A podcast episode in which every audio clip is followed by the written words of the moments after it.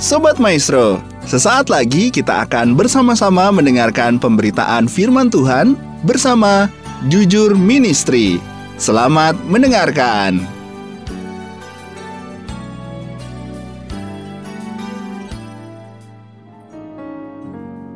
Shalom Sobat Maestro, jumpa kembali dengan saya Pendeta Thomas Lukiman dari Jujur Ministry. Visi dan misi dari Jujur Ministry adalah visinya melayani dengan kasih sesuai dengan perintah kerajaan Allah, dan menjadi perpanjangan tangan Tuhan bagi orang miskin sesuai dengan ayat firman Tuhan yang terdapat dalam Galatia pasal yang kedua ayat yang ke-10, dalam Yohanes pasal yang ke-6 ayat yang ke-11, dan dalam Matius pasal yang ke-25 ayat yang ke-35 sampai ke-40. Misinya membantu mensejahterakan masyarakat yang miskin, membangkitkan empati bagi orang tua dan anak-anak muda, yang memiliki gaya hidup berbagi dan memiliki hati yang berkemurahan.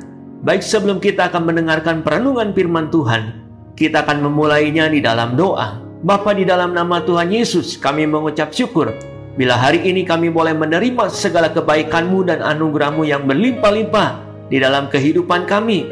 Melalui perenungan firman Tuhan ini kami boleh lebih mengenal akan pribadi-Mu. Kami membuka dan pikiran kami. Kami siap untuk diberkati oleh kebenaran firman-Mu di dalam nama Tuhan Yesus kami berdoa dan mengucap syukur. Amin. Sobat Maestro, tema firman Tuhan hari ini adalah kuasa perkataan. Banyak orang yang tidak memperhatikan dengan perkataannya, apalagi menjaga setiap perkataannya. Berapa banyak istri-istri yang disakiti hatinya karena kata-kata kasar suaminya. Berapa banyak suami-suami yang disakiti hatinya karena kata-kata kasar istrinya. Berapa banyak anak-anak yang disakiti hatinya karena kata-kata kasar orang tuanya.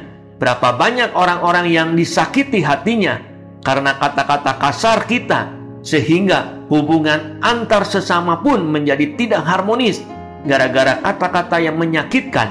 Di dalam Yakobus pasal yang ketiga yang keempat dikatakan, dan lihat saja kapal-kapal, walaupun amat besar dan digerakkan oleh angin keras, namun dapat dikendalikan oleh kemudi yang amat kecil menurut kehendak juru mudinya. Alkitab menganalogikan lidah itu seperti kemudi yang amat kecil yang dapat mengarahkan kapal yang besar untuk mencapai tujuannya.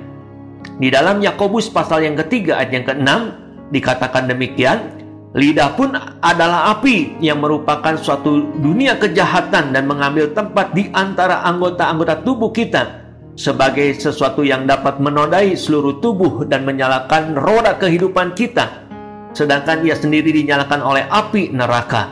Alkitab menganalogikan lidah itu seperti api yang kecil yang dapat membakar hutan yang besar. Di dalam Yakobus pasal yang ketiga dan yang kedelapan dikatakan demikian, tetapi tidak seorang pun yang berkuasa menjinakkan lidah. Ia adalah sesuatu yang buas, yang tidak terkuasai dan penuh racun yang mematikan. Alkitab menganalogikan lidah itu seperti sesuatu yang buas, yang tak terkuasai, penuh racun yang mematikan. Tidak ada seorang pun yang berkuasa menjinakkan lidah. Pepatah bilang, memang lidah tidak bertulang, yang artinya lidah ini sulit untuk ditaklukkan dan dijinakan. Dampaknya sangat besar dalam kehidupan kita dan sangat mempengaruhi kehidupan kita. Lidah yang tidak bisa dikendalikan bisa menghancurkan diri kita sendiri dan masa depan orang lain. Oleh karena itu, janganlah terburu-buru melemparkan kata-kata kasar, apalagi dalam keadaan emosi. Mengapa? Karena setiap perkataan kasar itu ibarat seperti paku yang dibenamkan di sebuah papan yang akan menimbulkan bekas walaupun pakunya sudah dicabut.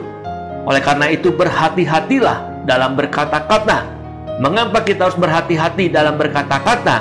Di dalam Yakobus pasal yang ketiga ayat yang ke-9 dan 10 dengan lidah kita memuji Tuhan Bapa kita dan dengan lidah kita mengutuk manusia yang diciptakan menurut rupa Allah. Dari mulut yang satu keluar berkat dan kutuk. Hal ini saudara-saudaraku tidak boleh demikian terjadi. Mulut kita bisa memuji Tuhan dan mengutuk manusia Mulut kita bisa mengeluarkan perkataan berkat dan perkataan kutuk. Hal yang pertama, setiap perkataan ada kuasanya.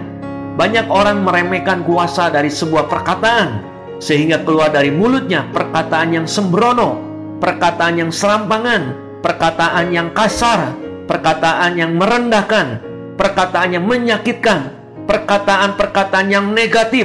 Mereka berteriak dan memaki pasangan hidupnya, memaki anak-anaknya, memaki orang-orang yang ada di sekitarnya. Tapi semua itu adalah pilihan. Seperti Tuhan katakan bahwa dari mulut kita bisa keluar berkat dan kutuk. Pilihlah dengan mengatakan berkat. Karena perkataan kita ada kuasanya. Kita ucapkan kata-kata yang membangun orang lain, memberkati orang lain.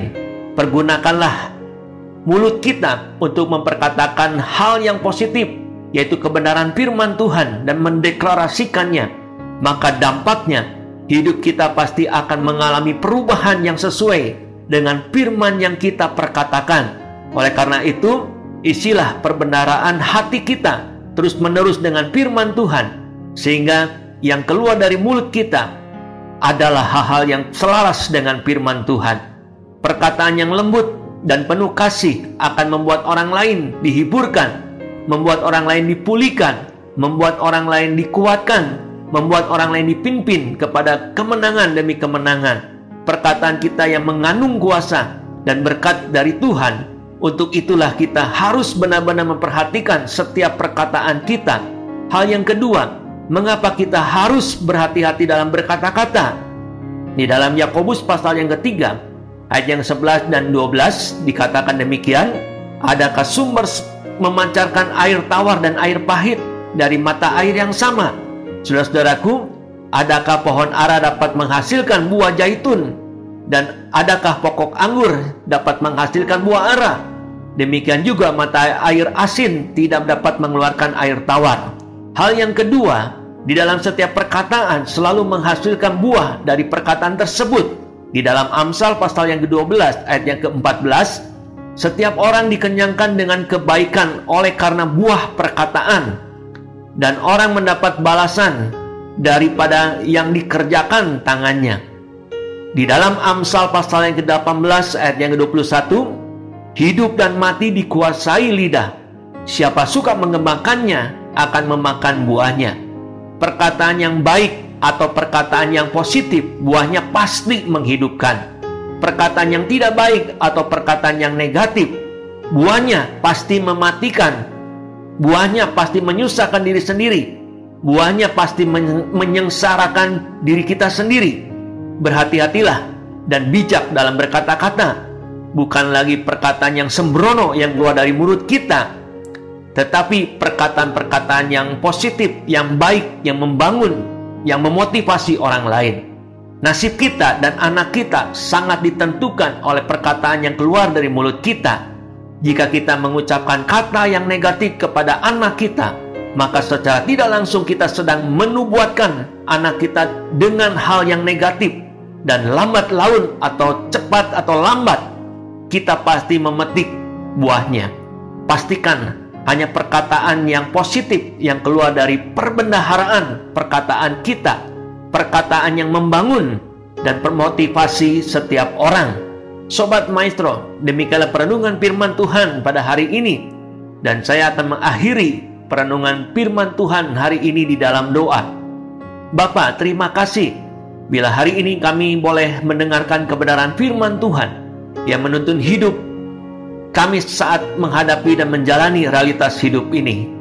Hari ini kami sudah belajar bagaimana kami dapat menjaga perkataan kami karena di dalam setiap perkataan ada kuasanya dan di dalam setiap perkataan selalu menghasilkan buahnya.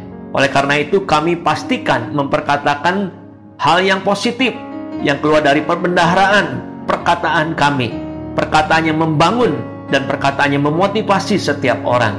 Materaikan firman-Mu ini di dalam hati kami, agar kami dapat melakukannya dan menjadi pelaku-pelaku firman Tuhan yang hidup.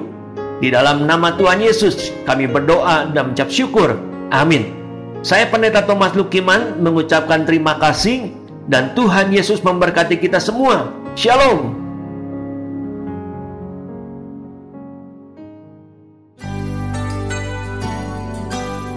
Sobat Maestro, kita baru saja mendengarkan pemberitaan firman Tuhan bersama Jujur Ministry.